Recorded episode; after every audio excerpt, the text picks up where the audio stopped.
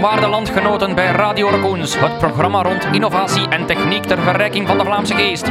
Dit programma wordt u gebracht door de Raccoons Groep, een verzameling technologiebedrijven die zich bezighouden met wonderlijke uitvindingen zoals kunstmatige intelligentie, praatrobots, virtuele realiteit en zelfs kwantumrekenaars. Uw presentator voor vanavond, geef hem een hartelijk applaus, David, ik bedoel David de Meijer. Yes, daar gaan we dan. Welkom allemaal, welkom terug bij onze speciale bonusaflevering van Radio Raccoons. Deze keer niet onze fact-checking sidekick Sam, maar wel een heel speciale vraagstelling. Hoe overleeft een mens in de 21ste eeuw? En een hele speciale gast, Jean-Paul van Bentegem. Uh, ja, sporen verdiend als licentiaat in de wiskunde, dokter in de filosofie, buitengewoon hoogleraar aan de VUB, ondervoorzitter van SCEP maatschappelijk geëngageerd, maar bovenal. Een man die op dit moment zijn tweede puberteit beleeft. Kijk ze, wat, wat een betere introductie om te beginnen aan onze speciale vraagstelling voor vandaag. Nu, Jean-Paul, ehm, ja, jij bevindt, zich, jij bevindt je in de bijzonder vreemde wereld tussen de wiskunde en de filosofie. Mhm. Daar waar alleen uh, de, de meest vreemde snuiters zeg maar, zich kunnen beleven. Mag ik beginnen met de, met de standaardvraag, misschien uit jouw discipline wiskunde? Mhm. Ontdekt of uitgevonden? um, ik mag een klein aanloopje nemen voor het antwoord. Dat zeker is geen probleem. Vast, zeker vast. Omdat uh, het zal er meteen bij aansluiten, dus geen probleem. Maar ik krijg dus heel vaak die vraag. Uh, kan ik me voorstellen. Je bent wiskundige, je bent ook filosoof. Maar hoe combineert je dat? Ja. En dan antwoord ik altijd, ja, maar als we in de tijd teruggaan en we komen uit uh, bij uh, het begin, althans voor de westerse wijsbegeerte toch, bij de oude Grieken, mm -hmm. Socrates, Plato, Aristoteles. Uh, wel, Plato, zijn academie, de, de, school waar hij mensen opleidde, boven de ingang stond geschreven: wie geen meetkunde kent, dus bij versta wiskunde, uh, die komt hier niks zoeken. Uh, dus eigenlijk van in oorsprong, de westerse wijsbegeerte heeft een heel diepe link tussen wiskunde en filosofie. Vooral omdat wiskunde werd gezien als die discipline die jou zekerheid kon verschaffen. Als je iets mhm. kon bewijzen, dan was het precies dat. Het was bewezen. Ja. Uh, en het had de mogelijkheid voor ieder ander om te controleren of wat jij beweerde effectief wel klopte. Je ging zelf doorheen dat bewijs. Uh, nu moet ik wel zeggen, om meteen de link te maken, ik heb ook zelf jarenlang als filosoof en als wiskundige met die vraag geworsteld. Omdat het ene, uh, de ene kant van de zaak is het psychologische effect. Wel, -hmm. die, dat, dat, dat, aantal, flink aantal keren dat ik, dat ik aan het zoeken was naar uh, een bewijs voor een wiskundig probleem. En dat wil niet lukken uh, van bij het begin. Dus je begint paden te bewandelen. Uh, achteraf zijn er al die termen bijgekomen vanuit de artificiële intelligentie, van de backtracking enzovoort. Okay, ja, ja. Dat is eigenlijk wat je deed. Hè. Je volgde een piste voor een tijd. Je oordeelde van nee, langs die weg kom ik er nooit. Maar je had wel al een gevoel, er moet hier een binnenweg zijn, om, het, om, om, om die okay, term te gebruiken. Ja, ja. Alleen, ik zie hem nog niet. Ja. Natuurlijk, van het moment dat je die termen gebruikt, ik zie die binnenweg nog niet, dan wil je uitdrukken dat die er is. Ja. Dat het de kwestie is dat, dat jij het moet zien. Uh, en als je het dan vindt, dan is de, de ervaring van ik heb nu iets ontdekt zo sterk dat je ervan overtuigd bent. Van, ja, ja, natuurlijk, dat was er. Ik moest het alleen maar zien te vinden. Ja. Dus dat heb ik nog altijd. Die uh, psychologische, directe ervaring van, de, van te denken, ja, dat, dat was er al. Hè. Het, het, was de kwestie van het uh, te vinden. Filosofisch ben ik meer en meer ervan overtuigd geraakt uh, dat wij het effectief construeren, okay. maar met een belangrijke nuance. doorgaans, als men zegt ontdekt of gemaakt, dan bij dat gemaakt denkt men uh, uh, al te vaak aan exclusief de mens. Mm -hmm. En dan, dan, krijg je dat idee van wiskunde als een vrije creatie van de menselijke geest. Mm -hmm. Ik heb er ook altijd om het op die manier dan uit te spelen. Zo'n beetje met een zeker gewicht. Ja, een vrije ja. creatie van de menselijke geest. Uh, dat bestrijd ik. Ja. Omdat, als je kijkt hoe wiskunde ontstaan is... Wel, ten eerste is er de biologische basis. Ik bedoel, uh, we hebben nu al bij een groot aantal dieren kunnen vaststellen dat zij ook in staat zijn tot de uh, zogenaamde subitizing. Uh, dat wil zeggen, een duif bijvoorbeeld kan het onderscheid mm -hmm. maken tot en met 7, tussen 1, 2, 3, 4, 5, 6, 7. Okay. Niet dat dat beestje telt, Maar als je graantjes eh, in een doolhof zo plaatst, Ja. eh, dan zie je dat die duiven in staat zijn om te onthouden. Het was niet dat deurtje dat ik moest hebben, maar twee deurtjes verder. Er is een biologische basis. Eh, maar wij mensen zijn beginnen ingrijpen op de wereld. We hebben de wereld eh, vorm gegeven. Daardoor werd die wereld ook herkenbaar voor ons. En dan is het niet raar dat creaties van onze, ja, van onze menselijke geest hun sporen nalaten in de wereld. En dan lijkt het bijna alsof we dat herontdekken. Eh, maar eigenlijk is het onze constructies, constructie. Dat gezegd zijnde, een tweede nuance, en eh, onder andere eh, de filosoof eh, Karl Popper heeft daarop gewezen. Eén keer als je bepaald hebt wat de getallen zijn, 1, 2, 3, 4, 5, 6, 7, om nu ten voorbeeld van de natuurlijke getallen te nemen, één keer als je dat gedaan hebt, en je hebt bepaald wat optellen en vermenigvuldigen is, dan kan het niet anders. Of 7 moet een priemgetal zijn. Want keer als je hebt vastgelegd wat dat betekent delen, ja, dan heeft 7 effectief maar twee delers. En dat is de definitie van een priemgetal. Ja. Dat kan niet iets anders zijn. Vanaf dat moment krijg je die noodzaak erin. En dat vind ik ook heel erg mooi, omdat die noodzaak hoeft dus geen andere grond te hebben dan het feit dat wanneer wij afspraken gemaakt hebben, dan hebben die afspraken gevolgen die onvermijdelijk zijn. Ja. Oké. Dus eh, het, is een, het is een complex antwoord, maar het is ook een heel complexe materie. Ja, Beste zeker, bewijs. zeker. Discussie loopt nog altijd. Ik, ik zelf zie, zie dan altijd een beetje de link ook met fysica. Mhm. Als we kijken naar ons universum, dan lijkt die te beantwoorden aan wiskundige wetten. Ja. We kunnen het gedrag of de regels van ons universum in wiskunde gaan gieten. Ja. Dus dat leidt een beetje tot de denkpiste van, oké, de wiskunde zeg maar is gecreëerd op zijn minst, misschien vroeger, maar op zijn minst met het creatie van het heelal. Op dat moment was er wiskunde, eh, op dat moment waren er al wiskundige wetten waaraan moest voldaan worden. Ja, waren er structuren in het universum aanwezig die eh, door de mens met de wiskundige technieken die de mens heeft ontwikkeld in eh, samenwerking met die natuur, die die structuren zichtbaar en begrijpbaar gemaakt hebben? Aha. Voilà. Hè? Dat is eigenlijk een antwoord op eh, de fameuze uitspraak van Einstein, die ik nog altijd zo mooi vind. Het meest onbegrijpelijke aan het universum is dat wij het kunnen begrijpen. Mhm. Ja. Omdat je denkt, eh, neem het universum. Allee, om, om, om, om het in het schoon Vlaams te zeggen, groot spel. Eh, op, op, dat- op dat teeny, weeny, weeny klein planeetje loopt een zotte diersoort rond, de mens. Dat die mensen zou lokaal die omgeving kunnen begrijpen met wiskundige middelen, tot daar. Ja. Maar waarom laat diezelfde wiskunde u toe om het hele universum te begrijpen? Dat is inderdaad, dat is mindboggling. Ja. Eh, dan denk je, een, een gelukkige meevaller? Misschien. Ik begrijp ook zeer goed dat een aantal mensen daaruit afleidt. Ziet je, dan moet er wel iets hogers zijn. Het is gemaakt voor ons, want we kunnen het Voilà. begrijpen. Ja, eh, dat is gecoördineerd geweest door iets of iemand eh, om dat voor ons mogelijk te maken. Aan de andere kant, ja, naarmate dat wij lokaal het universum begrijpen, ziet je ook dat er niet zoveel manieren zijn om dat verder uit te breiden. Ik bedoel, van het moment dat je veronderstelt dat er een eh, zekere homogeniteit in het universum moet aanwezig zijn, en als je kijkt naar eh, Big Bang-theorieën, die suggereren dat het vrij uniform homogeen begonnen is. Ja. Dus je hebt argumenten om aan te nemen dat het geheel eh, vrij homogeen zou moeten zijn. Als dat zo is, verwacht je natuurlijk dat lokale wetten ook globaal moeten gelden. Dus veel van die, van, van, van die vragen kun je een antwoord geven zonder dat je moet een beroep doen op eh, hogere aanhalingstekens eh, instanties. Ja. En dat vind ik wel belangrijk. Nu, wat ik bijzonder interessant vind in wiskunde, en ik, ik heb eigenlijk nog altijd geen bevredigend antwoord gevonden op die vraag, Ah. is waarom streeft wiskunde naar elegantie?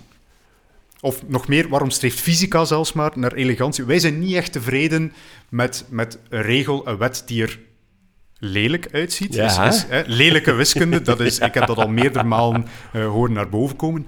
Ja. Ja, van, van, waar, van waar komt in godsnaam zo'n... zo'n ja, en, en blijkbaar werkt het nog ook, want Ja, ik, ja, ik ja, heb al ja, ja. horen refereren naar, eh, wat is het nu weer, dat, dat God blijkbaar een boekje, het, het, het eh, Gods boekje met bewijzen of zoiets, dat er van elke stelling, zeg maar, het meest elegante bewijs ergens in een boekje bij God Ja. staat en dat, het, dat de bedoeling is dat we die gaan ontdekken en dan kunnen we stoppen, zeg maar. Dat boek bestaat, hè?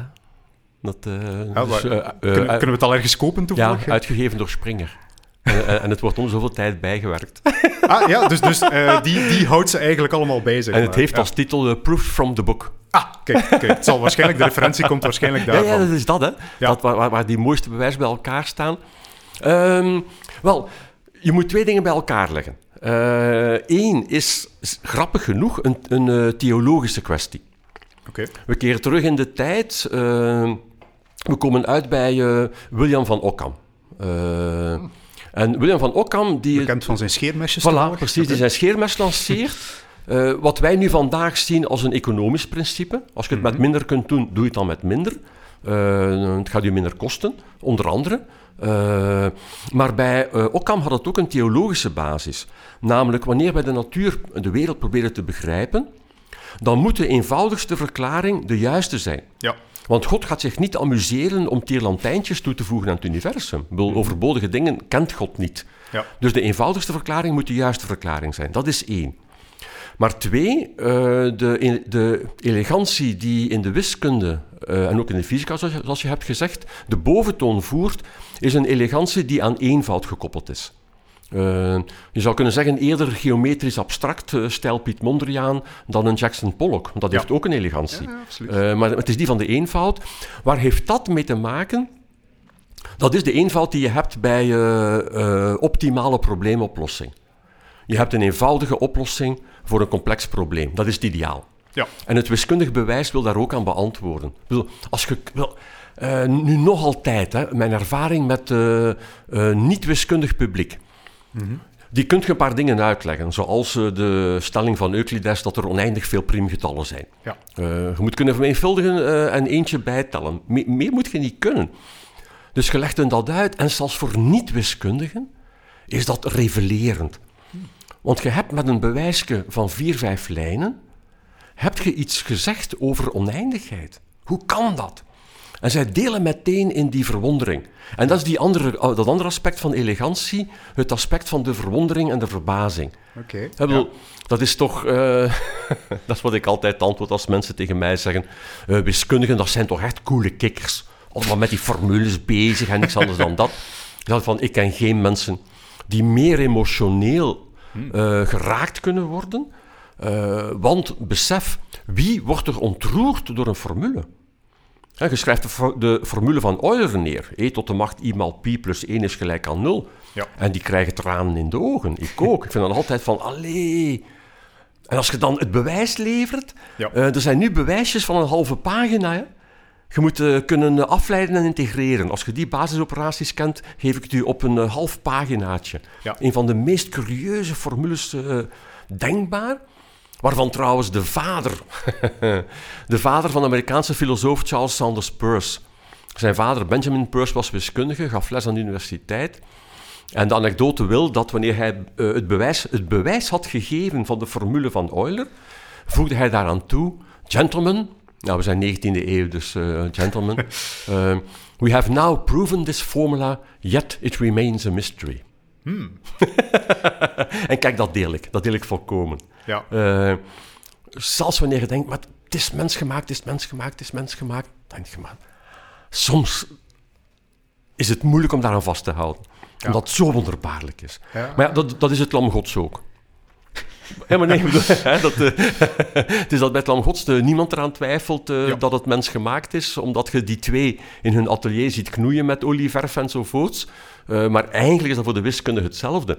Alleen het is eh, papier, potlood en gom. En, een- en een paar handboeken en nu dus uiteraard... En nu, en nu, sorry, kijk eens. Nee, nu meer en meer het internet. Omdat... Ja, dat is, dat is zeer interessant. Door de wiskundige praktijk is fundamenteel aan het veranderen. Dus ik voorspel dat als de filosofen niet goed volgen, eh, dat ze gaan achterop lopen met een aantal discussies die zich niet meer zullen stellen, omdat de praktijk zodanig veranderd is. Gemiddeld eh, verschijnen er nu, gepubliceerd, dus in tijdschriften enzovoorts, ondergrens een 100.000 bewezen stellingen. Gemiddeld. Niemand kan dat nog nog bijhouden. Dus eh, ontwikkelt men nu, eh, ik zal maar zeggen, slimme databanken die je moet kunnen bevragen. Die stelling, is die al bewezen? Oké, dat is simpel. Hè? Dan moet je een repertorium aanleggen. Ja, ja. Maar, en dan maakt het heel interessant, stellingen die er aanhalingstekens dichtbij liggen. Maar dat is al een stuk moeilijker. Hè? Hmm, ja, ja, ja, zeker. Eh, zeker. Dat kan zowel betekenen dat, eh, dat je. pardon, sorry. Dat kan je interpreteren als stellingen die, als je die zou bewijzen, dat je meteen een bewijs krijgt voor die stelling. Maar het kan ook zijn dat ze in formulering verwant zijn. En dat, is, dat vraagt heel wat denkwerk. Daar is men nu volop mee bezig. Ja. En ik vind dat dus fascinerend, hè, want dat gaat voor wiskundigen in opleiding een totaal ander beeld geven van de samenhang van de wiskunde. Ja. Wat onder andere zichtbaarder zal worden, is de hele geschiedenis. Wat al die mensen voor jou gedaan hebben. Ik, ik heb een heel interessant boek gelezen. Eh, een van mijn favoriete science fiction auteurs, Greg Egan, is ook wiskundige. Eh, is eigenlijk voornamelijk wiskundige. Dus die, die man wil niet op het internet verschijnen met zijn foto. En zijn website staat vol met formules en Java-applets om zijn, eh, zijn rare wiskundige theorieën te visualiseren. En een van de leuke, leuke beeldenissen dat hem dan naar boven bracht, is het gaat ook allemaal in een softwarewereld door. De mensen zijn al lang geüpload. En een van de favoriete activiteiten van de wezens die daar actief zijn, is zich begeven in de wiskundemijnen. Eh, Wow. Dus die kunnen dan eigenlijk de paden bewandelen van de bewijzen die geformuleerd zijn door eerdere. Maar, maar uiteindelijk, uiteindelijk is het gewoon graven en zien waar je uitkomt. En zien, de, de tunnels kunnen niet vooraf gemapt worden. Je moet eigenlijk gewoon echt gaan graven in de mijnen. en dat vond, ja. ik, dat vond ik eigenlijk een, een, een hele leuke beeltenis, zeg maar. Dat je zou Ah, kunnen ja. de gangen bewandelen en de stappen zien van de bewijzen die de mensen voordien hebben gegaan. Ja. En dan kun je vandaar een andere kant uitgaan en nieuwe zaken gaan bewijzen enzovoort. Dat Wat was een- een... Ja, dat is voor een deel al gebeurd eh, eh, om eh, niet alleen in de wiskunde, maar ook in de wetenschappen het fenomeen te kunnen verklaren van zogenaamde multiple ontdekkingen. Oké. Dus het feit dat je, en daar zijn heel veel voorbeelden van, dat je op verschillende plaatsen, en dat kan zowel zijn eh Verenigde Staten, in Europa en nog ergens Ja. aan, in Australië bijvoorbeeld, dat men gelijktijdig met dezelfde ideeën bezig is en dat men ook qua oplossingsmethode gelijkaardig bezig is. Gevolg ja, ja, heel vaak prioriteitsdiscussies natuurlijk. Maar de vraag die dan spontaan opkomt natuurlijk is, waarom? Waarom is men op plaats A, B en C daar nu ongeveer gelijktijdig mee bezig? Wel, één van de antwoorden is, teken gewoon de boom van wie heeft gestudeerd bij wie. Aha, En dan ja. ziet je, die Ja. in A heeft gestudeerd bij die, die assi- assistent geweest bij die, maar dat was ook de leermeester van D, die eh, de leermeester Ja. was van eh, de persoon in, in plaats B. en dan zie je dat alles eh, gaat een eeuw terug en je hebt die ene persoon te pakken. Die alle rest beïnvloed heeft Ja. en, en die ervoor zorgt Ja. dat wij samen ontdekkingen doen. Ja. Heel interessant. En dat, dat, dat is leuk. En ik, vind dat altijd eh, geestig als je jezelf ziet als deel van een netwerk. Ja, Eh, in, in, in de twee richtingen. De instroom en de uitstroom. absoluut. Dat, en in acht genomen de, de tijdselementen, hoe snel gaat die verspreiding? Soms kan dat, kan dat ongelooflijk snel gaan, eh, soms waanzinnig traag. Ja. Eh, ik heb nu in mijn eigen academische carrière als onderzoeker had ik twee grote onderzoeksthema's.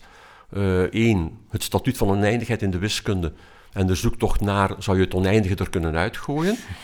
Dat is nog altijd een eh, marginale positie, maar ik zie nu dat de interesse begint te stijgen. Waarom? Omdat men nu in, de, in die complexe zoektocht, ik begrijp er maar een fragment van hoor, eh, in de eenmaking van de natuurkunde. En de algemene relativiteit aan de ene kant, kwantummechanica aan de andere kant, dat moet samengebracht worden. Ja. En wat ziet je nu? De gedachte die komt dat tijd en ruimte geen primitieve begrippen zijn, maar eh, zogenaamde emergente begrippen. Dus je hebt een andere structuur en als die een bepaalde graad van complexiteit bereikt, dan komen daaruit tijd en ruimte tevoorschijn. Ja. Eh, die onderliggende structuren zijn doorgaans eindig en discreet. Maar dat is juist dat idee van eh, het is ontstaan vanuit iets eindigs, niet vanuit iets oneindigs. En dus zie ik de interesse daarvoor groeien.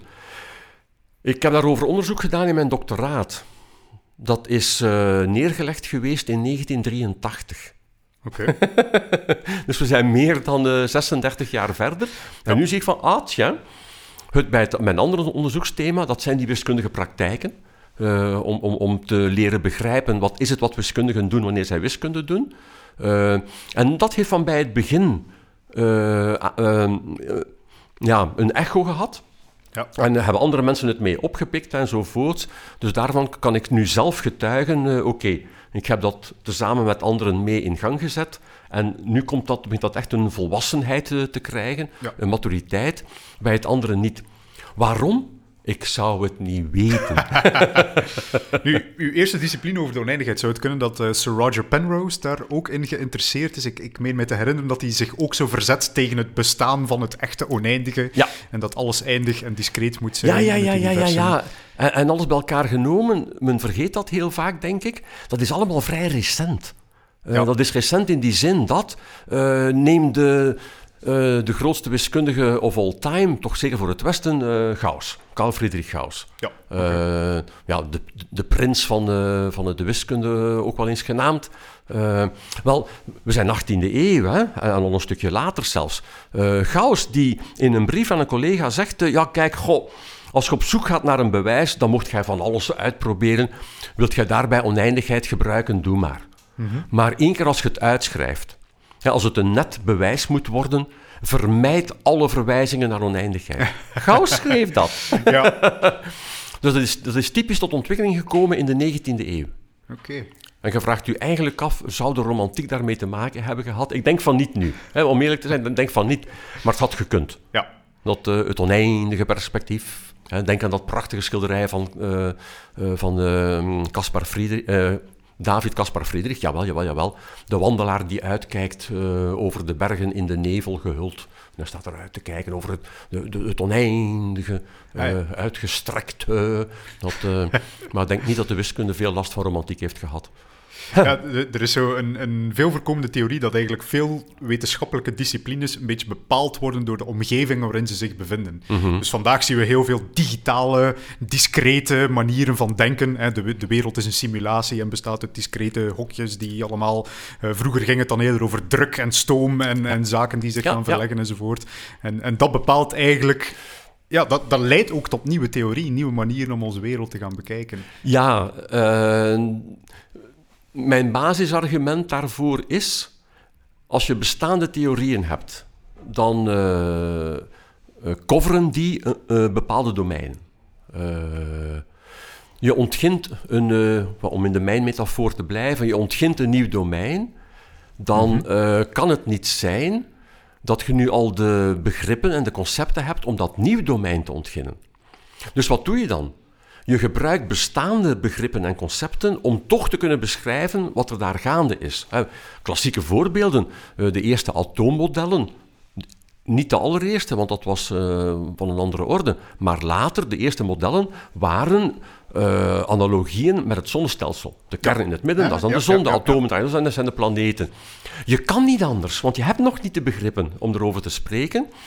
Begrippen van één domein overplaatst naar een ander domein, dat is juist, dat is juist analogie, dat is juist meta, uh, metaforiek. Dus die metaforiek is essentieel. Ja. Dus ik vind dat uh, mensen die tegen mij zeggen, we moeten er altijd naar streven om zo letterlijk mogelijk te spreken. Ik zeg, als je dat stelt als eis, dan stopt je alle vooruitgang. Ja. Want vooruitgang is precies uh, de bestaande woorden, concepten, begrippen die we gebruiken oprekken, als je wilt. Uh, om te zien of we daarmee aan de slag kunnen in een nog niet ontgonnen uh, gebied. Oké. Okay. En dus in die zin, ik ga ervan uit dat uh, de computermetafoor voor het brein wel ooit eens zal ver vervangen geraken door iets anders. we hebben het al zo, zo, zoveel keren meegemaakt. Ja. denk aan de frenologie. Mm -hmm. Ik bedoel, men spreekt nog altijd van mensen die een talenknobbel of een wiskunde knobbel hebben. Maar dat is de frenologie, ja. die het brein zag als een spier. En een, een goed ontwikkelde spier nam toe in omvang, dus die duwde tegen het schedeldak en daar kreeg je dus een knobbel. Uh, die spiermetafoor is compleet weg. Dus ja, uh, maar het blijft dan nog hangen ook. Hè? En dat is schitterend, want dan krijg je hybride metaforen.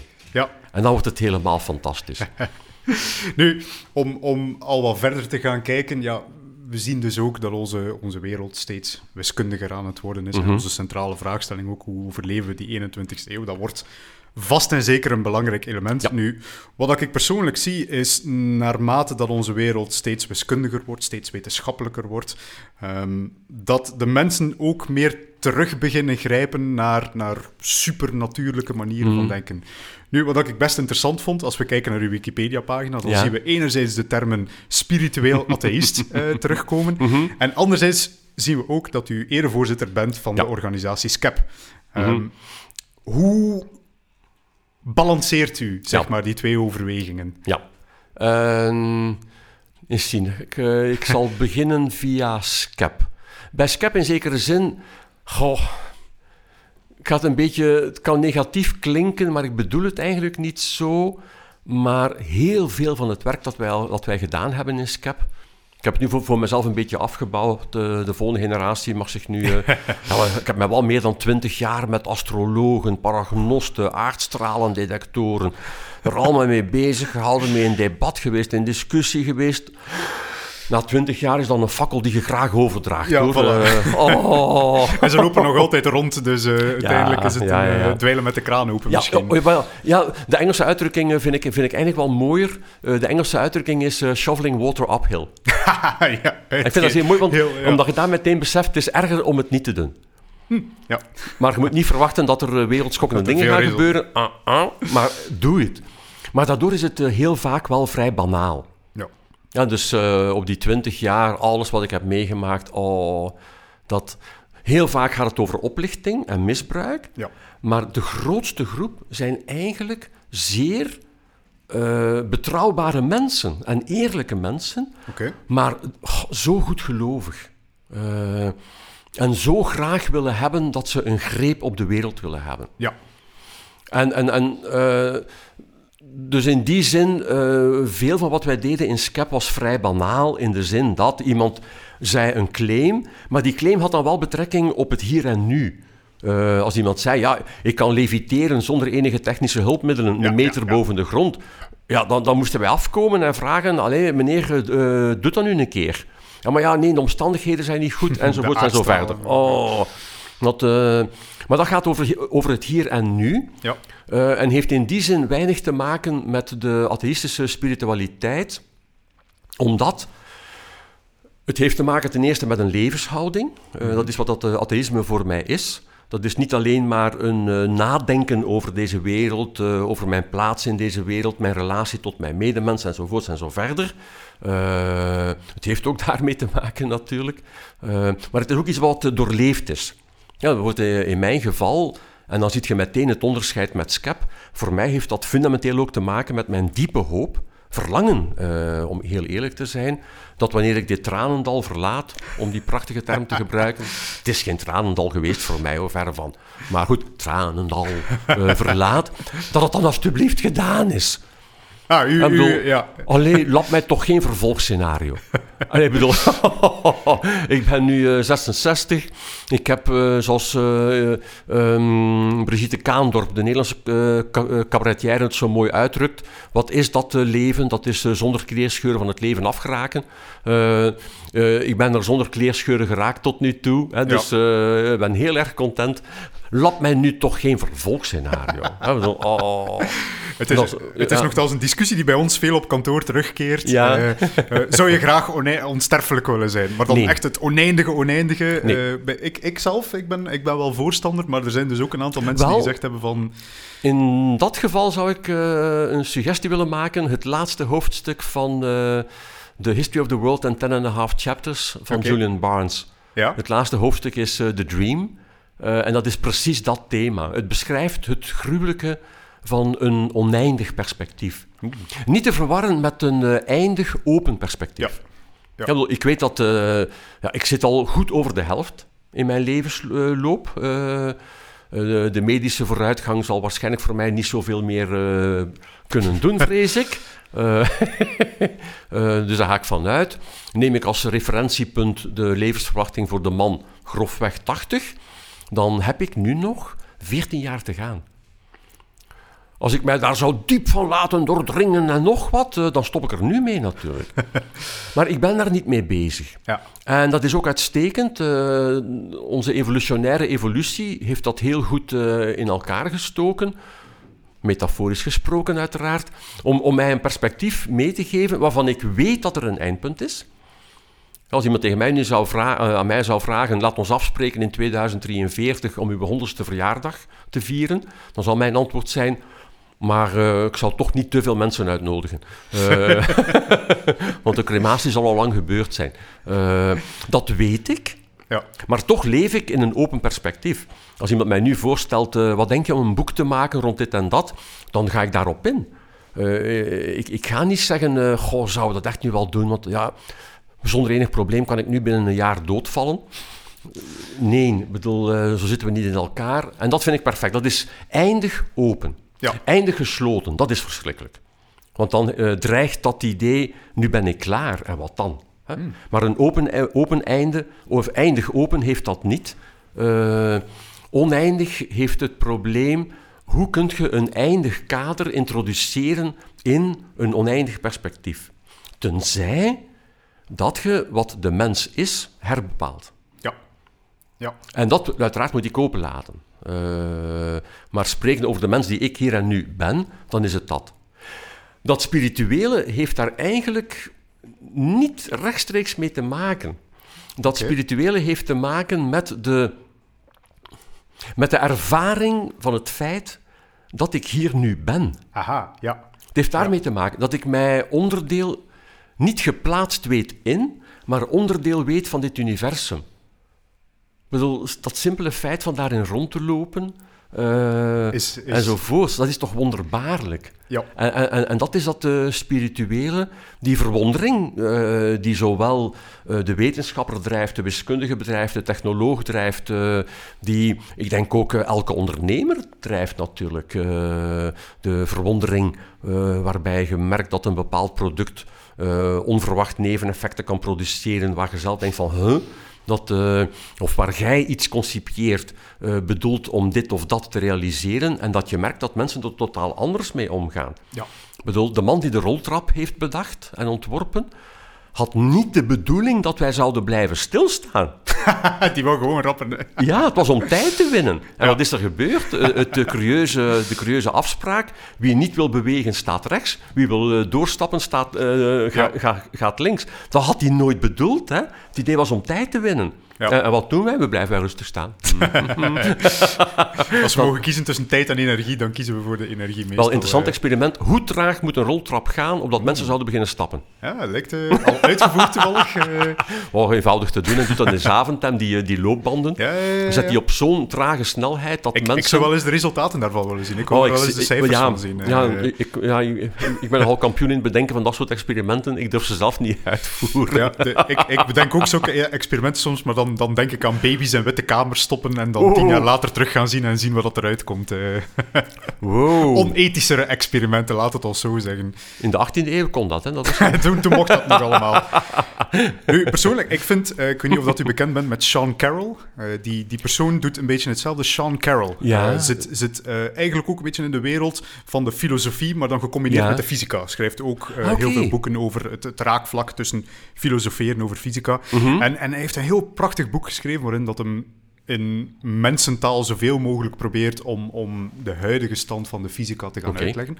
Maar hij steekt ook heel veel moeite om uit te leggen van kijk, het is niet omdat wij allemaal bestaan uit, uit eh, vibrerende kwantumvelden die atomen vormen en hup, hup, hup, hup, hup. Mhm. Eh, dat wij bestaan uit atomen en dat de wind Ja. in ons gezicht, dat dat, dat dat maar luchtmoleculen zijn die tegen ons botsen. Dat wij ons, allee, dat wij niet kunnen voelen. Hè? Dat, dat, dat wij niet verliefd kunnen zijn, dat, dat wij niet Ja. onze vriendin graag kunnen zien, ons Ja. mama graag kunnen zien. Dus die, die twee, het, is ook weer een emergent verschijnsel, maar de verhalen zijn eigenlijk evenwaardig. Hè? De, de, de verhalen die eruit komen. Wij ervaren zaken en die zaken zijn echt. Ja. Eh, En complementair. Ja. Ik heb altijd mijn studenten uitgelegd, eh, die 18, 19-jarigen hoorden dat graag. Als je hen vraagt, als je iemand uitnodigt voor een dineetje met het idee om eh, hè, eh, wat te, te exploreren, waarom doe je dat bij kaarslicht en niet bij neonlicht? mhm. En dan geven ze mij natuurlijk eh, uitleggen dat het romantischer is. Ik zeg, ja, maar in dat geval ga ik de vraag stellen, waarom is dat dan romantisch? Waarom kan neonlicht niet romantisch zijn? Wa- wa- waarop gaat dat terug? En als je dan zegt, en natuurlijk vanaf, vanaf dat moment begin, begin, begin je daarop te letten, hè? Dat eh, ik zeg, de reden is, van een, een, pardon, een van de redenen waarom dat je kaarslicht gaat prefereren, is omdat bij kaarslicht heb je minder licht, gevolg de pupillen gaan openstaan. En openstaande pupillen, eh, wij, re- wij re- registreren dat onbewust. Ja. En eigenlijk is, is, is dat een teken van goesting. ja, absoluut. Terwijl bij neonlicht worden dat van die kleine puntjes. Dan weet je van, oh, dat wordt hier niks. Hè. Ja, er Zeg, zijn het zo... feit dat je dat nu weet, Ja, en je zit nu tegenover iemand, en dan dat besef wat er hier onbewust eigenlijk allemaal meespeelt. En dan krijg je, pardon, dan krijg je een bewustzijn, een, ja, je krijgt een bewustzijn van dat onbewuste. Ja, ja. En dat verrijkt enorm. Ja, er zijn zoveel voorbeelden. Hè. Geef iemand een koud glas water in de handen en die, die gaat een sollicitant eh, Ja, kouder en negatiever gaan beoordelen dan als je hem Ja, een warm ja, glas water in de handen geeft. En, dus het is goed om dat te weten. Maar ja, kijk, ik heb eh, een paar jaar geleden een boek gepubliceerd over de relatie tussen seks en wiskunde. Eh, iemand heeft mij dan gevraagd nadien. Vond ik wel een geestige vraag. Ja, maar Jean-Paul, is dan de bedoeling dat als wij aan het vrijen zijn, dat we uw boek daarbij moeten hebben? Ik zeg nee, want ten eerste gaat je al één hand moeten eh, vrijhouden voor dat boek. Dus heb je al één hand bezet en dat is niet interessant. Ik zeg maar natuurlijk niet. Eh, maar als je naderhand zit na te denken van, goh, bijvoorbeeld hoe ontwikkelt een relatie zich? Ik heb dat ooit eens totaal verkeerd beantwoord. Mijn vrouw was niet content hoor. Eh, maar wat ik bedoelde was juist. Is iemand die mij vroeg: eh, Je zit niet al zo lang samen met je partner, wat is het geheim? Eh, en wat ik wilde antwoorden was: Wel, hou er simpelweg rekening houden met het feit dat je alle twee ouder wordt. Ja, Mijn vrouw zijn, wij eh, schelen maar een drie maanden.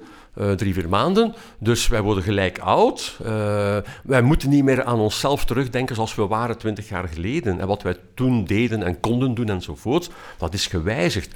Als je daar nu rekening mee houdt, als je zegt, oké, dat is weg, in de plaats komt dit nu, laat ons dit nu exploreren. Eh, dat is wat ik wilde zeggen. Ja. Alleen wat ik heb toen geantwoord was... Wel, eigenlijk moet je zo leven eh, als je 's morgens wakker wordt en je kijkt naar die persoon naast u, dat je denkt dat, het- dat het iemand anders is. en pas nadien begreep ik, ja, dat was verkeerd. Hè? Dat, eh, maar ik bedoel, ervan uitgaan, dit is niet per se dezelfde persoon van gisteravond. ja, ja. Dat, eh, en dan lukt dat vrij aardig. Vandaar mijn initiële omschrijving van de tweede puberteit, want dat is wat ik nu beleef. Nu ik gepensioneerd ben, oh, gruwelijke term, niet meer actief. Nu Dat- van dat- vrijheid die- mag genieten. Hè. Eh, ja, ik, ik, ik, ik beleef het als een tweede puberteit. eh, opnieuw dat willen exploreren. Eh, en, en, en, en die enorme gelijkenis met een puberteit. Je kunt niet rap genoeg volwassen zijn. Omdat je wilt weten wat het is, het echte leven.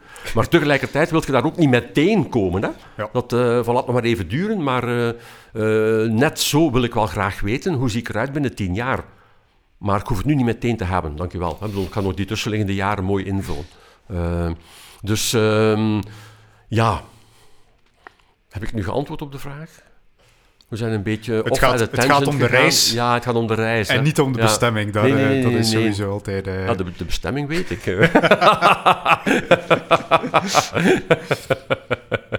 het enige wat, wat tot, nu, tot nu toe vaststaat op dat... Uh, met mijn crematie mogen ze doen wat ze willen.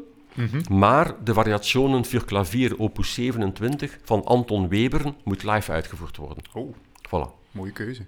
Mooie keuze. Dus mijn vrouw weet dat. Wel, kijk, ik, um, uh, aangezien dat u zelf al over sterfelijkheid ben, uh, mm -hmm. bezig bent, dat brengt mij naadloos terug op onze centrale vraagstelling. Hè. Hoe overleeft de mens de 21ste uh. eeuw? Nu, ik, ik heb u speciaal uitgenodigd. U, u bent bezig met wiskunde, u bent bezig met filosofie. Mijn aanvoelen is eigenlijk dat... Kijk, ik maak hier twee vuisten voor de mensen die het niet zouden zien uh, op, de, op de audioversie. Mijn aanvoelen is eigenlijk dat die twee disciplines ons zeg maar twee mokerslagen gaan uitdelen in de 21ste eeuw, waar dat wij eigenlijk nog helemaal niet op voorbereid zijn. Namelijk, als ik de 21ste eeuw moet gaan samenvatten, dan, en, en het zou maar één woord mogen zijn, dan, dan zou ik persoonlijk gaan voor het woord computer. Mm -hmm. Die misschien wel uh, de, de belangrijkste rol gaat gaan spelen. En ja, ik denk, de, de kern van het verhaal is dat wij uiteindelijk met een computer gaan zitten die het redeneringsvermogen, of laat ons zeggen, laat ons beginnen met, met uh, die de capaciteiten, de kunde misschien, zonder, zonder nog het intelligentiewoord ja. uh, in de mond te nemen. Mm -hmm. Dus de, de kunde van mensen zou gaan evenaren, uh, of misschien zelfs zou kunnen gaan overtreffen. Ja. Um, nu ja, wij als mensheid, hè, we zijn het natuurlijk niet gewend. We hebben altijd de dieren gehad, die kunnen minder dan wij. En dan zijn er Mhm. mm -hmm. de mensen. Mm -hmm. En dan is er misschien nog God ergens boven ons. Maar, maar eigenlijk tussen ons en God is er niet meer veel ruimte. En, en, en dat is nu precies de ruimte die wij in de 21ste eeuw schijnbaar ja. zouden gaan verkennen. Mm -hmm. uh, Denkt u, denkt u dat het zo'n kant op gaat? Of gaat u eerder, uh, bijvoorbeeld uh, Sir Roger Penrose, die is daar eerder wat kritisch tegenover, die zegt van nee, ja. daar, daar gaan we nooit naartoe. Ja, maar dat is uh, een van de basisargumenten, eigenlijk wel zijn, zijn sterkste argument hoor, van Penrose dat hij heeft het verst uitgewerkt in... Uh, The Emperor's New Mind? New, New Mind, ja, dank ja. u wel. En dan uh, het uh, vervolgboek erop, waarin hij voornamelijk replikeert op de kritieken op het eerste ah, boek. Kijk, de. Ja, ja, ja, ja, ja, ja. Moet ik misschien eens opzoeken, want ik had wel wat kritieken, dus ik moest... Ja, ja, nee, nee, hij heeft een repliek geschreven daarop. Dat gaat eigenlijk terug op een heel curieus argument om het in twee zinnen te omschrijven. Een argument dat uh, komt van een filosoof, uh, John Lucas. Okay. Uh, en dat dateert al van de jaren 60. Wat teruggaat op de fameuze stellingen van Gödel. Ja, daar zijn we. Daar zijn, daar we. zijn we. Wiskunde ja, en filosofie. Ja. Ik denk dat er geen stelling in de wiskunde is die filosofischer ja. geïnterpreteerd wordt of misgeïnterpreteerd wordt dan die exact. van Gödel. Ja. Uh, kan u zich proberen wagen aan een korte definitie van, van de stelling van Gödel? Of wat de implicaties zouden zijn van de stelling van Gödel? Um, ja, uh, indien Moeilijke ge... vraag voor een wiskundige natuurlijk. Uh. Maar eenvoudig voor een filosoof. Hij durft nogal, hè, zeg. Uh, ik heb het over mezelf dus, hè, voor de mensen die luisteren. Uh, de filosoof spreekt over hij, de wiskundige over ik. Uh, nee hoor, is niet waar.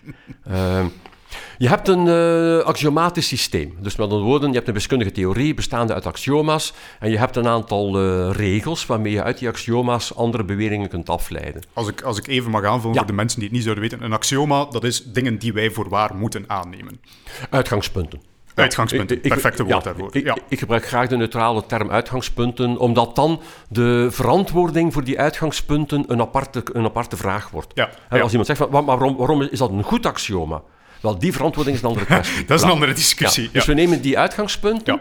We hebben een eindig aantal regels om uit die axioma's andere beweringen af te leiden. Zo'n afleiding, wat is dat? Wel, dat is dan het wiskundig bewijs. En een wiskundig bewijs bestaat uit een eindig aantal lijnen of mm -hmm. uitspraken, die ofwel axioma's zijn, uh, ofwel kunnen verantwoord worden door die regels. Een bewijs moet eindig zijn, omdat wij mensen, om elkaar te, te kunnen communiceren, zoals wij de mens nu zijn, uh, moeten wij eindige teksten aan elkaar doorgeven. Hè? Daar komt het op neer. Wat heeft Gödel aangetoond? Wel, zodra je een, een axiomatische theorie krijgt, waarin het oneindige meespeelt, en die is voldoende complex. En voldoende complex betekent hier uh, simpelweg, het moet meer omvatten, of op zijn, nee, op zijn minst de rekenkunde omvatten. Ja. Dan spreken we over 0, 1, 2, 3, 4, 5 enzovoorts, optelling, vermenigvuldiging. Alleen dat. Dan zult je met die methode, dus met andere woorden, axioma's, afleidingen, eindige bewijzen, nooit alle wiskundige waarheden in dat systeem kunnen bewijzen. Ja. Dus wiskundige waarheid, als je het op die manier leest, wiskundige waarheid overstijgt uh, wiskundige bewijsbaarheid. Wat zegt nu Lucas? Lucas zegt, wel, als je een computer hebt, een algoritme, uh, wat is dat? Dat is precies een formeel systeem. Dat is, een axioma dat is gelijkwaardig met een axiomatische theorie. Ja. Dus dat algoritme zal nooit, dat programma, zal nooit alle waarheden kunnen op het spoor komen, alleen maar de aantoonbare, de bewijsbare. Ja. Wij mensen kunnen die waarheden wel op het spoor komen, omdat wij andere denkwijzen kunnen uh, ontwikkelen. Dus volgt daaruit de conclusie, de menselijke geest moet altijd meer zijn dan een computer. Ja. En uh, Penrose onderschrijft dat compleet.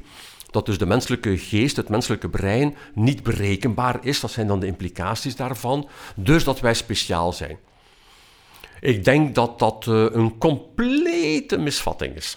Oké, okay, dank u. Want ik, ik, vind persoonlijk, ik vond dan persoonlijk inderdaad ook de kern daarin is van wij, wij als brein hebben onze intuïtie en wij kunnen intuïtief bepaalde Ja. dingen zien. Daar word ik een beetje ongemakkelijk van als ik dat lees. Zo van, Ja, wat- is dat wel zo... Want het hele punt is, eh, hoe overtuigt je u als mens van de waarheid? Van een waarheid die je niet kunt bewijzen? Wel, zoals Gödel het heeft gedaan, de zin die hij genomen heeft, is een zin die van zichzelf zegt, ik ben niet bewijsbaar. Ja. Oké, dat, dat klinkt nu waarschijnlijk waanzinnig abstract, en is het ook, Het is- ja. omdat de hele techniek die je nodig hebt om dat te kunnen doen, is, is, is schitterend. Eh, let op, was Gödel er niet geweest, multiple ontdekking, dan, dan, dan had het op naam gestaan van Alan Turing. Oké, ja. Ja, Turing had, het, eh, had net hetzelfde idee. Hij was een paar jaar later en meteen heeft de Turing een veralgemening aangetoond van Gödel. Oké. Dus eigenlijk zou ik zeggen, de echte doorbraak, dat is eh, Turing. Ja. Voorbereid door Gödel. Dat is Wel, zoals ik, zie tegenaan die, ik, zie die, ik zie die eigenlijk elkaar een beetje tegenspreken. Dus er is dan enerzijds ehm eh, ja, Keudel, Penrose die daaruit een beetje voortvloeit. Die zegt van kijk, je kunt niet zomaar ehm, alles gaan bewijzen in een systeem. Anderzijds, anderzijds zegt Turing wel van kijk, als we een, een proces kunnen definiëren en we kunnen dat gieten in een, een, een algoritme. Wel, een Turing-computer die kan alles uitvoeren, zeg Ja, maar. Eh, ik ja. zeg altijd van Turing heeft bewezen, een computer kan alles met een sterretje erbij. Eh, zolang dat je het maar goed kunt definiëren en uitleggen aan zo'n eh, aan zo'n Ja. systeem. Ja. mhm. Daaruit zou dan volgen van, oké, we begrijpen min of meer wel bijvoorbeeld hoe één neuron in ons brein werkt. Mhm. De enige kwestie nu nog is schalen. Ja. En vandaar kunnen we verder gaan. ja, ja. Dus daar zie ik zo'n beetje een tegenstelling in eerder. Terwijl, Ja, ja, ja, ja, ja, ja, ja, ja. Want eh, eh, eh, Turing was van de opvatting dat, de, dat het menselijke brein effectief ook een machine is. Dus met andere woorden ook die beperkingen heeft. ja, terwijl voor Gödel was het van groot belang. dat, dat wordt heel vaak vergeten, maar de motivering van Kurt Gödel was een andere. Hij zei, hij, hij was content met die onvolledigheidsresultaten.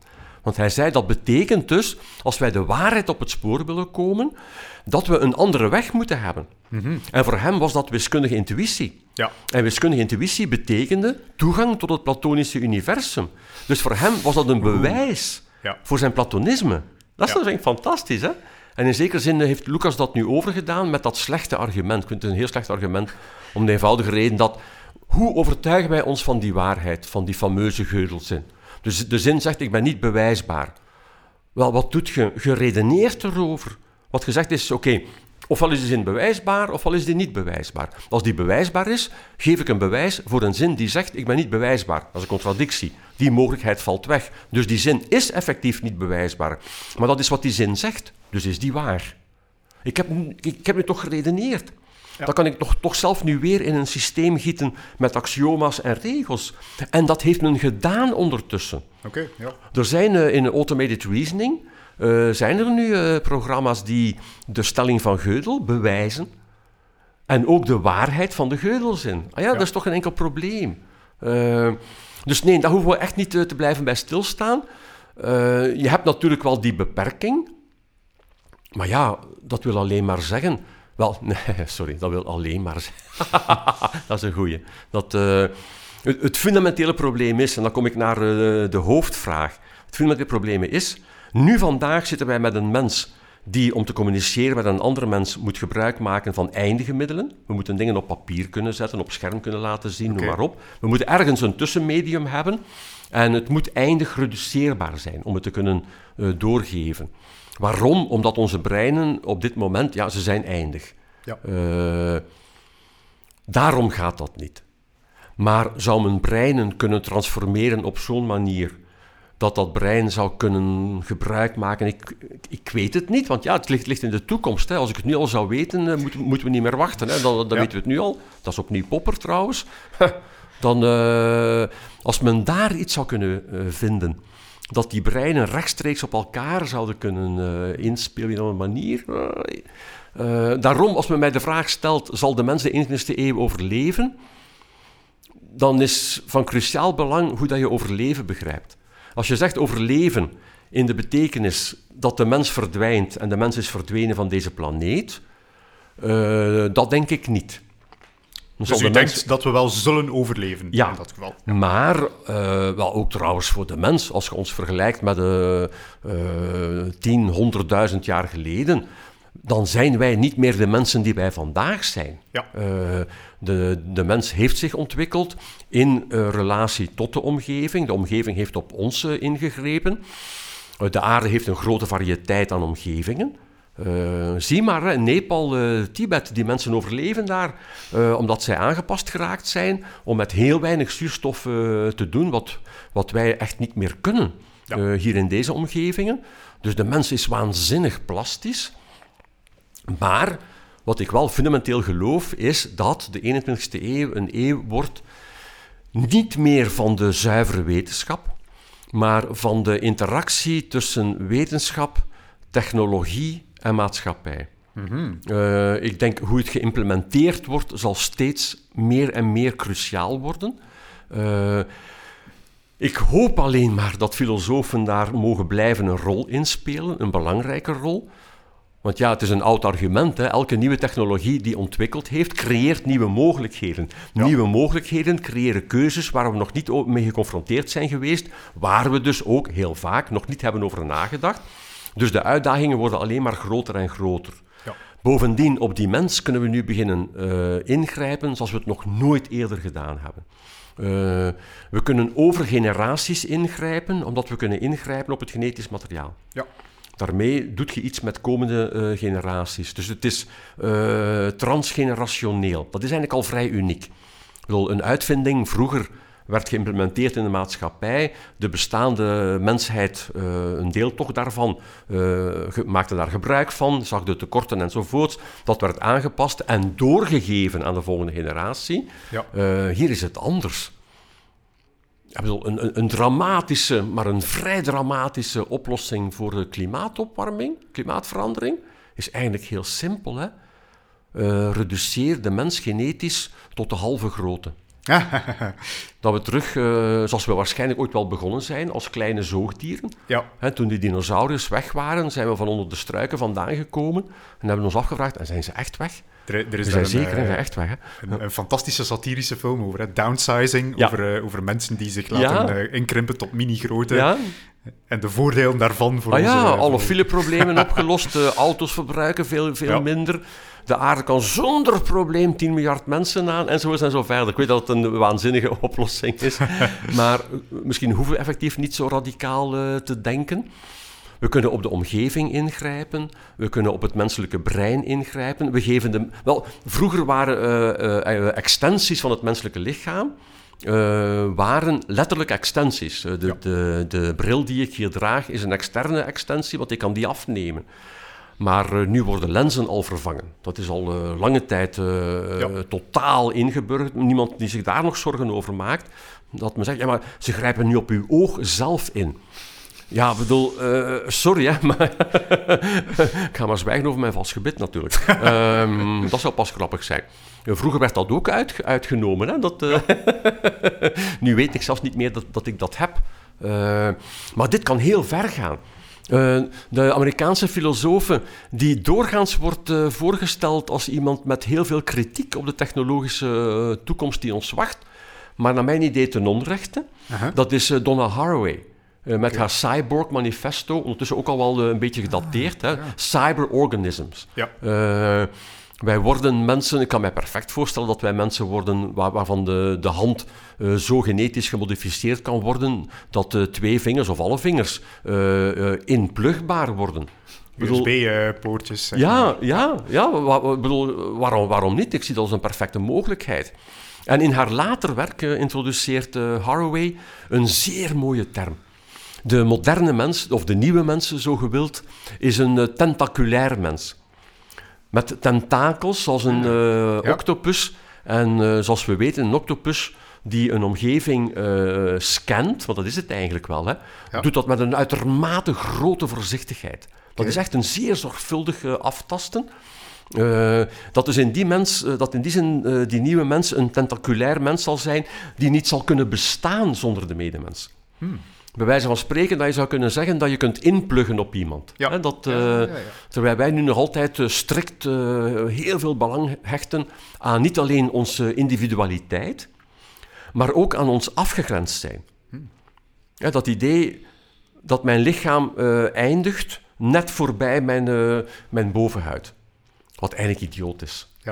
Dat komt veel terug in, in science fiction verhalen. Ja. Het samensmelten van, ja. van menselijk zijn, zeg maar, ja. tot, tot één... In, allez, ja, één individu is niet... Tot één collectief, zeg maar. En dat wordt vaak eigenlijk... Ja, hoe moet het zeggen? Bijzonder positief zelfs beschreven. Dat, dat is niet zozeer een... Hey, je hebt natuurlijk de Borg uh, uit Star Trek, die, die assimileren. Maar, maar meestal in science fiction is dat een soort logische evolutie van waar we naartoe gaan. Uh, van het individuele ja. persoon naar het, naar het collectieve brein die nadenkt over ja. zaken. Nu, het is een, uh, denk ik, de, de, eerste opdracht die bij mij naar voren komt, is uh, om ons daarop voor te bereiden. Ja. En ik denk dat daarin in principe filosofen uh, een belangrijke rol kunnen spelen, omdat zij al in zekere zin de technieken, de methodologieën hebben ontwikkeld. Uh, om daarover te kunnen nadenken. Ik bedoel, ja. uh, door uh, abortus, door euthanasie. bedoel, dat is het begin en het einde van het leven. De, de twee belangrijkste momenten, zo gewild, die een menselijk bestaan definiëren. We hebben daar moeten over nadenken. En zie maar hoe moeilijk het is uh, nu met de discussie over euthanasie bij uh, uh, ondraaglijke psychisch lijden. Hmm. dan merk je dat wij daar nog helemaal niet klaar voor zijn. Ja. Waar, waarmee ik nu niet bedoel dat, dat, dat we het zouden moeten klakkeloos aanvaarden. Hè? Maar we zijn nog niet rond met de discussie. Dus dit vraagt nog heel veel. Waarom? Omdat wij wat dat betreft zijn wij echt waanzinnige schildpadden wij dragen nog altijd dingen mee van 2000 jaar geleden, waar we nog altijd niet van afgeraken. Of nog veel verder zelfs, biologische, ja. Ah, ja, ja, ja, als je dat meer biologische rekent, beperkingen die ons al miljoenen jaren achtervolgen. Nu, als we gaan kijken naar de, de 21ste eeuw, uh, ik heb daar straks proberen het, het woord te vermijden, uh, denk ik dat ook één sleutelwoord absoluut belangrijk wordt: intelligentie. Uh, intelligentie altijd belangrijk geweest, mm -hmm. maar, maar voordat we misschien gaan praten over hè, superintelligentie mm -hmm. enzovoort, durft u zich wagen aan een definitie van intelligentie? ik, geef, ik geef veel uh, presentaties over artificiële intelligentie en dan vraag ja. ik altijd eerst aan het publiek van wat wow. is intelligentie dan? En dat is bijzonder moeilijk. Uh, vroeger was het heel gemakkelijk natuurlijk. Hè. Vroeger gingen we zeggen, hoe beter dat je kunt schaken, hoe intelligenter ja. dat je bent. En hoe ja. intelligenter dat je bent, hoe ja. beter dat je kunt schaken. Tot als computers beter zijn geworden dan, in, dan onze schaken. En dan hebben we dat een beetje stilletjes in het hoekje gaan duwen, zodanig dat we daar niet meer over moeten gaan praten. Maar wat? Intelligentie zou ik in eerste instantie, als eerste aanzet, uh, definiëren als de flexibiliteit die een organisme uh, kenmerkt en die het organisme toelaat om in bijzondere verscheiden uh, en verschillende situaties inschattingen, beoordelingen en prognoses te kunnen maken en eventueel daarnaar te handelen. Wauw, dat is dat is de perfecte definitie, denk ik. Uh, ja, daar, daar, zitten alle elementen in. Hè. Dus, dus ja. inderdaad, een, uh -huh. een, een, intelligentie doet voorspellingen. Uh, dat is, ik, ik vind het altijd prachtig. Ik heb ooit eens een verhaal gelezen van uh, hoe eigenlijk wanneer dieren van een onderwateromgeving -huh. naar een landomgeving zijn gegaan, ja. dat dat eigenlijk de echte aanzet is geweest voor intelligentie. Want wij konden veel verder gaan zien. We moesten veel ah. verder gaan anticiperen. Ja. We moesten veel verder gaan voorspellen. En, en vanuit dat pure gegeven is, is, is intelligentie onvermijdelijk geworden. Uh, was, was dan de beredenering wow. die daaruit voortkwam. Het dwong ons eigenlijk in een soort wapenreis om steeds beter te gaan voorspellen op steeds langere afstanden, op steeds langere tijdsperioden. En ja. daar komt intelligentie vanzelf uit. Oké. Okay. Ja, daar valt heel veel voor te zeggen. Ja, ja, ja, ja. ja. Uh, dan maakt het in ieder geval uh, de walvis tot een van de zeer intelligente zoogdieren. Die is even wat... naar het land gegaan ja, om daar intelligent ah, ah, te worden en dan weer terug te keren naar de zee. Oh, nee, nee, nee, nee, nee. Dit kunnen wij niet aan. wij keren terug. Ja. Old sweet home. nee, nee, ik zie dat uiteraard wel.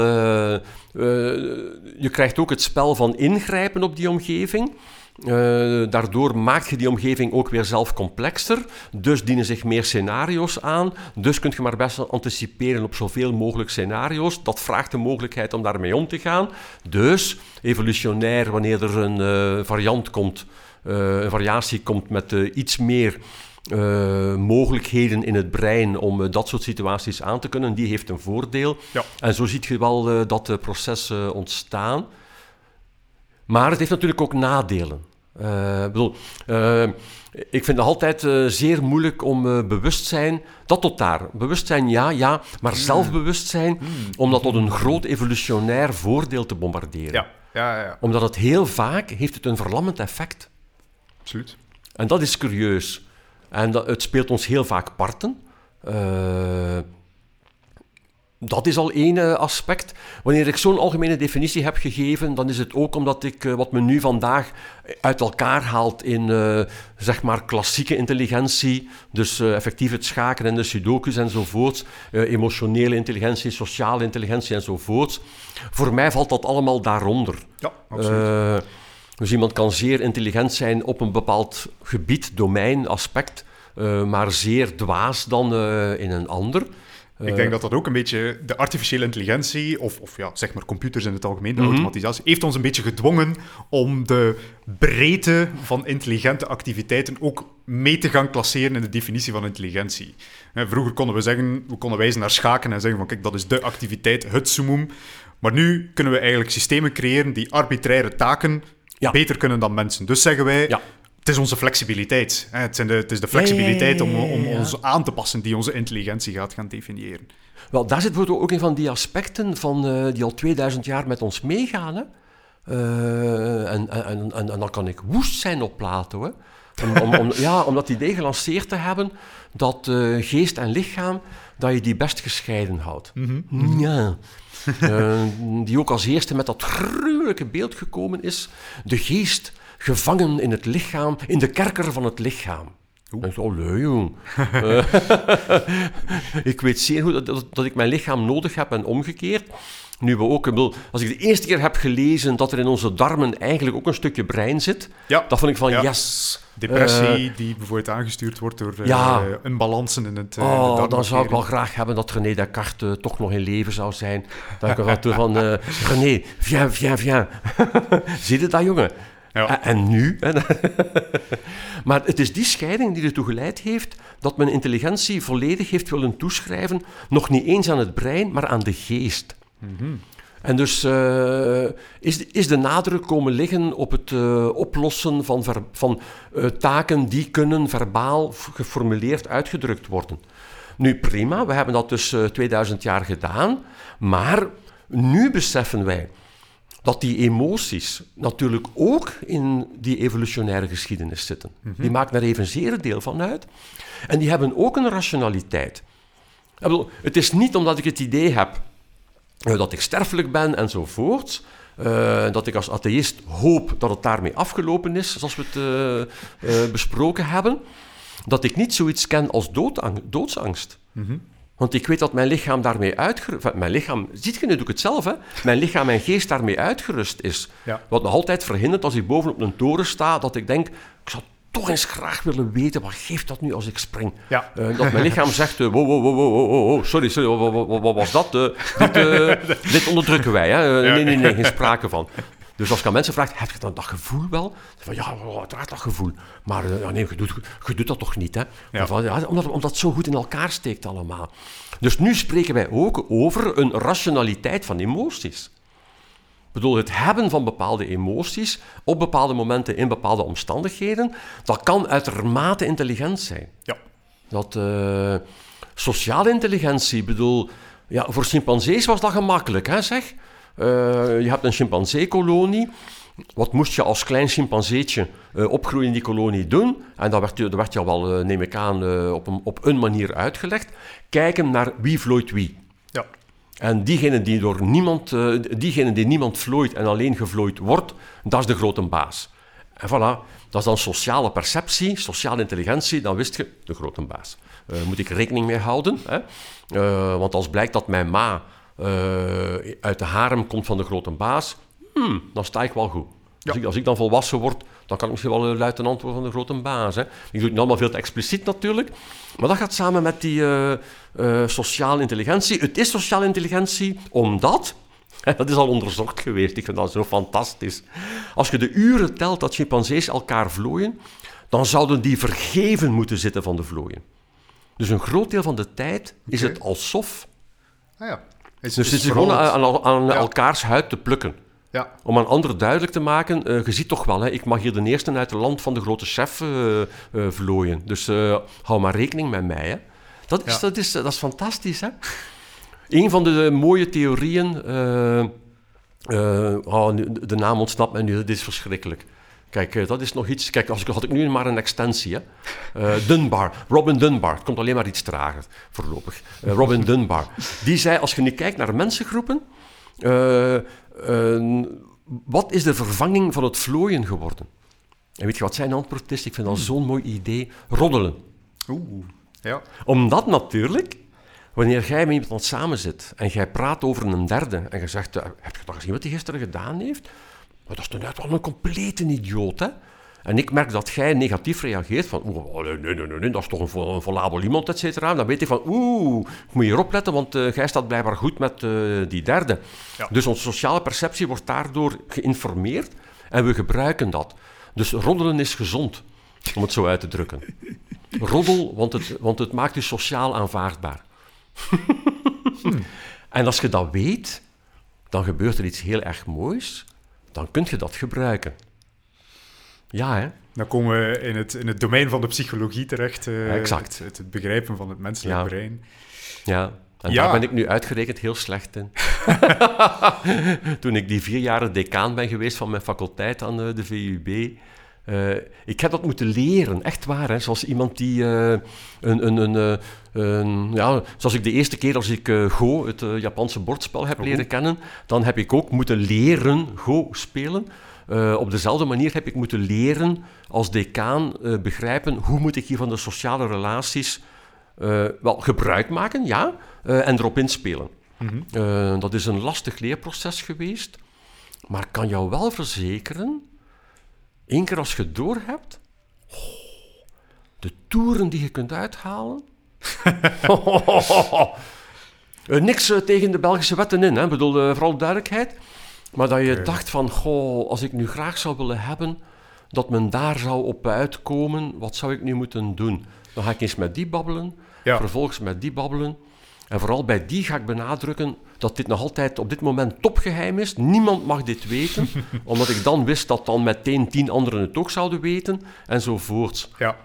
Dat, dat doet mij denken aan de uitspraak. ehm, de beste manier om een antwoord te krijgen op het internet is niet om een vraag te stellen, maar om het verkeerde antwoord te posten. En dan gaat je meteen gecorrigeerd worden door de mensen en dan weet je tenminste wat dat de juiste informatie is. Ah, schitterend. Yes, oké. ja, ja. Daar hou ik van. Kijk, tot, tot slot wil ik ook nog, nog eventjes ingaan op, op dus die, die, ja, de 21ste eeuw, een beetje bepaald Mhm. door de, de intelligentie, zeg maar. De superintelligentie is dan ook wel niet veraf. Heel veel mensen claimen van, oké, als, als we erin slagen, dat is de grote vraag, als we erin slagen om de mens te evenaren in de computer, wel, dan zijn de meeste mensen er wel over één, dan kunnen we ook over die grens gaan. En Niets die zegt, als we het kunnen repliceren in een computer, dat dat Ja. even goed of even bekwaam moet zijn als een mens, dat dat daar stopt. We kunnen los door die grens gaan breken. eh, we kunnen duizenden keren sneller gaan Ja. werken dan onze mensenbreinen. Dus dat leidt uiteindelijk tot, tot ja, superintelligentie. En dan komen we echt wel bij, bij de kern van de vraag van, van ja, hoe houden wij ons als mens dan nog bezig? Wat doen wij dan als mens? Gaan wij Elon Musk gewijs gaan samenvloeien met de machine?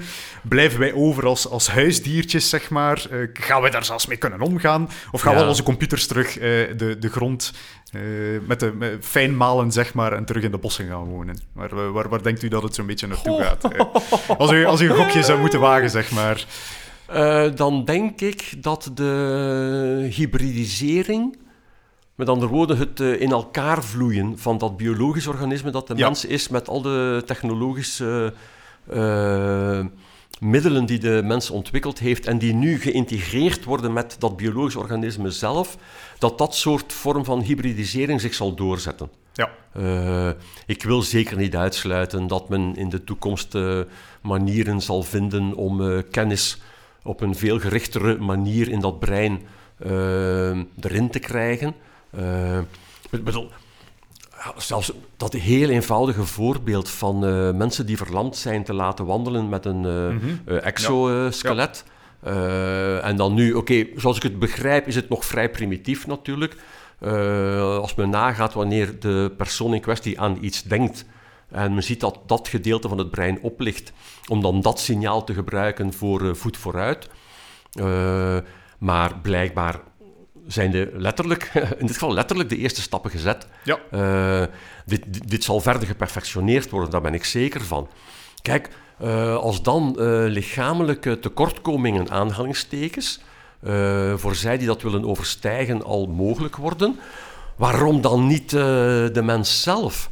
Maar als die hybridisering zich doorzet, dan denk ik dat het niet meer interessant zal blijven om te spreken over mens. Dat eh, de Homo sapiens sapiens zal evolueren naar de mm sapiens sapiens. Ja. Wat die mm is, heb ik geen idee. Het is voor mij zeker compatibel met de evolutie. Want ja, de, eh, het grootste deel van het heelal was de mens hier niet. Ja. Eh, op deze aarde, voor het grootste gedeelte van haar bestaan, liepen hier geen mensen rond. Eh, voor de rest, het gros van de beestjes die er waren, op de ware bewoners na, hè, de bacteriën en de virussen, die, die zullen waarschijnlijk wel blijven voortbestaan. Eh, maar de mens is een vrij recente aanwinst daarin. Dus dat de, de mens weg evolueert naar iets anders, dat verwacht ik wel. Ja. Is dat dramatisch? Nee. Omdat het precies eh, onderdeel is van, van, van een hele evolutie. Dus valt voor mij de vraag uiteen in twee zaken. Wat al ik als mens nu, eh, maak ik mij zorgen over dat wezen daar in de verre toekomst? Eh, dan is mijn antwoord nee, want ik heb geen idee met welke problemen dat wezen zal zitten. Kan ik nu iets zeggen over de problemen waarmee dat wezen zal geconfronteerd worden? Nee. Eh, dus met andere woorden, eh, je kunt alleen maar afwachten. Ja.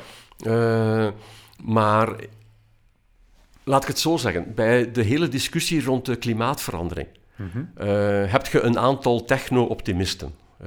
Die zeggen technologie zelf ben er één ja, van, gaat het ja. allemaal oplossen. Maar ik merk wel dat men dan heel vaak vasthoudt aan het beeld van de mens zoals we die vandaag kennen. Eh, en dat de zaak zal opgelost geraken door de technologie met het behoud van die mens. Ik verwacht dat er op die mens zelf ook zal ingegrepen worden. Ja. Ik verwacht nu toch, als er nu door variatie eh, er mensen zouden komen die eh, heel sterk, laat ons zeggen, CO2-resistent worden. Ja, dan gaat je zien dat die mensen met grotere overlevingskansen zullen rondlopen. Als zij nakomelingen produceren, dat dat eh, een effect zal hebben enzovoorts. Ik bedoel, ik denk dat die oplossingen, eh, dat zij ook dat voor effect zullen hebben. Ja. En ah, oké, ik bedoel, eh, hebben wij de aarde voor een stuk verknoeid? Jawel. Moeten we nu werkelijke doemdenkers worden? In geen geval. Alleen maar tenzij dat je het verdwijnen van de mens zoals wij die hier en nu kennen, je dat een doemscenario noemt. Ja.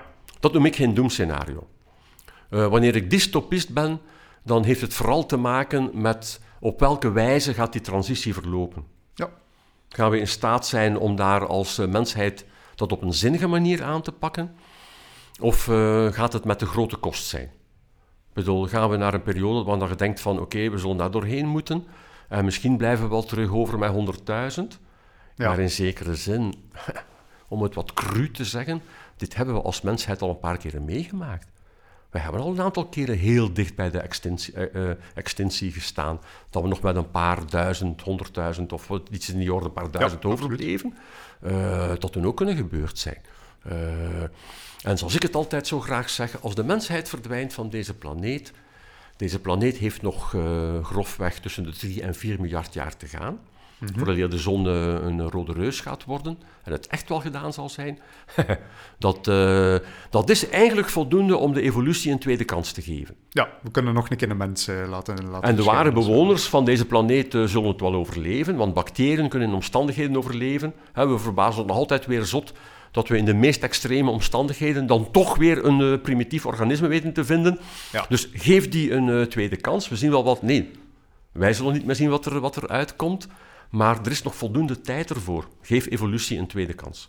Oké. Eh, misschien migreren we onze computers dan naar het centrum van de aarde en merken we dat daar al nog een keer een migratie gebeurd is en dat er al nog een intelligentie zit te wachten op ons. Ja, en dat daar de dolfijnen zitten van Douglas Adams. Oeh, ja. Thanks for all the fish. Oké, nog, nog één vraag om af te sluiten. Als we nu bezig zijn over de superintelligente computer. Hè, we, we denken aan het, eh, de, de semi-goddelijke computer. Ik weet niet of je ooit het, eh, het, het, het verhaal ge- gelezen hebt van... het kort verhaal van The Last Question van Isaac Asimov. Ja. Eh, fantastisch. Hè? De, de Ja. computer die vraagt van, eh, kunnen we entropie... allee, de vraag aan de computer, kunnen we entropie ooit terugdraaien? En dan na oneindig lang denken zegt hij van, ik heb het antwoord gevonden, let there be light. En er, is Ja. een, er, Mhm. er ontstaat een nieuw universum. Als u één vraag zou kunnen stellen, misschien wiskundig of filosofisch in aard aan die superintelligentie, waar zou je dan voor gaan? Is er, is er een wiskundige stelling waar u toch graag nog, een, nog een antwoord op zou kunnen willen weten? En zo ja, de welke?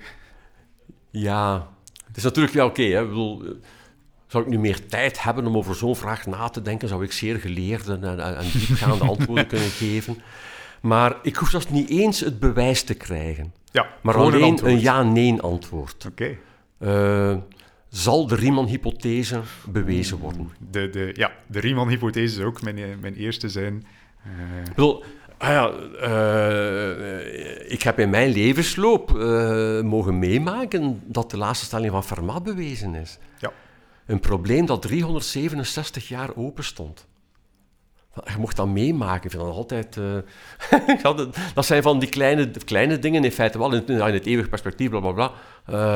Maar dat ik het heb mogen meemaken, Ja. dat heeft mijn leven een stukje eh, voller gemaakt. Echt mooi, waar. mooi. Begrijp het bewijs niet. Hè? Ik bedoel, Maar het Met feit dat de bewijs er is, is... eh, maar Daarom dat, dat ik ook alleen maar zou vragen, eh, zal het er komen? En als ik dan dat verlossende woordje ja zou horen, let wel, het zou ook nee kunnen zijn. Dat is Ja. even interessant, want ehm, ik, had ik had er nog niet bij stilgestaan.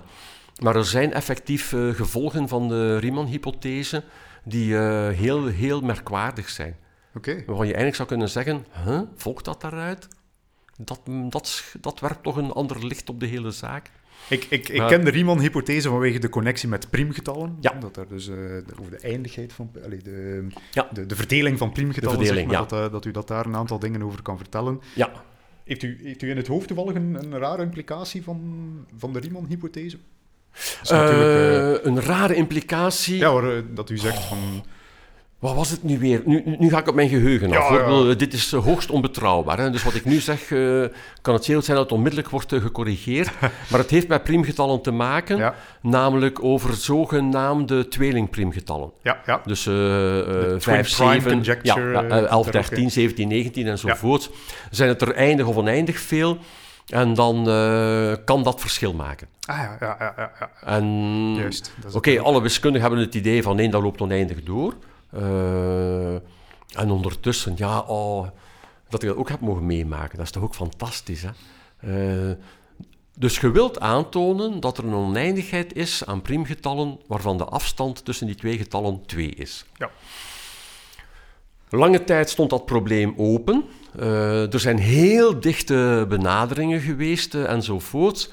Dan komt er een wiskundige die een techniek ontwikkelt waarmee je kunt aantonen dat er oneindig veel koppels priemgetallen moeten zijn, Mhm. waartussen de afstand maximum 20 miljoen is. En iedereen is super enthousiast omdat ze Ja. denken, nu zijn we er bijna. Yay! Nu zijn we er bijna, ja, maar het, moet, inderdaad. het moet wel twee zijn. Ja, maar ja, dat... Vanaf dat moment. Ah, kijk, dus dat is een link met Riemann. Eh, vanaf dat moment heeft iedereen zich daarop gegooid, want het was een nieuwe techniek. ja. Dus wat doet je dan meteen? Meteen zoeken hoe ver kun je daarin gaan. Zoals heel typisch, dat eerste bewijs was veel te complex en te ingewikkeld, beginnen verfijnen. En in de zes maand ziet je dat getal zo naar beneden gaan. ja. Eh, het, zit nu, het is nu stilgevallen op 248. Oké. Van 20 miljoen naar 248.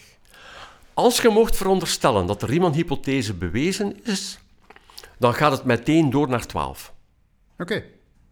Dus dan weet je al, er zijn oneindig veel koppels priemgetallen waartussen de afstand maximaal 12 is. En dan denk je, wow, nu begint het dichtbij te komen. Ja, ja, ja, ja. Alright, zeer cool. Ja. Ik, eh, mijn persoonlijke vraag zou iets te maken hebben met P versus NP-problemen. Ah ja, dat ook begrijp altijd, ik. eh, Ja, ja, ja, een nee. heel interessant. En natuurlijk als computerwetenschapper ben ik daarin een beetje Mm. gekleurd. Maar dat is omdat ik nu gepensioneerd ben, dus eh, ta- tabellen van de NMBS eh, zijn niet, niet meer mijn eerste zorg.